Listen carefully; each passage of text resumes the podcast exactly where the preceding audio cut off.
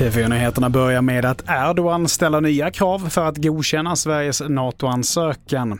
Turkiets president vill inleda förhandlingar om ett turkiskt EU-medlemskap, det skriver nyhetsbyrån AFP. Och så här säger Paul Levin som är chef för Turkiets studier på Stockholms universitet om Erdogans senaste utspel.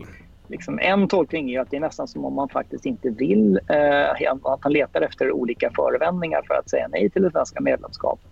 Eh, eller så är det så att han vill för, för, försöka få ut ännu mer eh, av detta. Jag tycker som sagt det är väldigt svårt att säga vad som är riktigt, vad som är, vilken eh, tolkning som är rätt. Jag är inte helt, helt hundra på att Erdogan har någon genomtänkt strategi överhuvudtaget i detta. Och vi fortsätter med att under gårdagskvällen så hittades en kvinna i 75-årsåldern död i en bostad på Södermalm i Stockholm. Kort efter larmet kunde polisen gripa en man i 30-årsåldern som är kvinnans barnbarn. Han är nu anhållen misstänkt för mord, det säger kammaråklagare Carolina From till TV4 Nyheterna. Och till sist, Bjurholm är inte längre Sveriges minsta kommun efter att ha vuxit med sex invånare sedan förra året. Det visar nya siffror från SCB.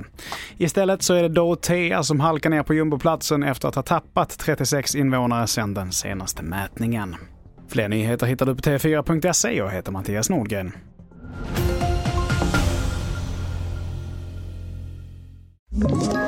Ett poddtips från Podplay. I fallen jag aldrig glömmer djupdyker Hasse Aro i arbetet bakom några av Sveriges mest uppseendeväckande brottsutredningar.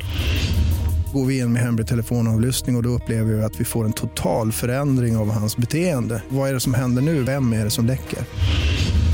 Och så säger han att jag är kriminell, jag har varit kriminell i hela mitt liv men att mörda ett barn, där går min gräns. Nya säsongen av Fallen jag aldrig glömmer på Podplay.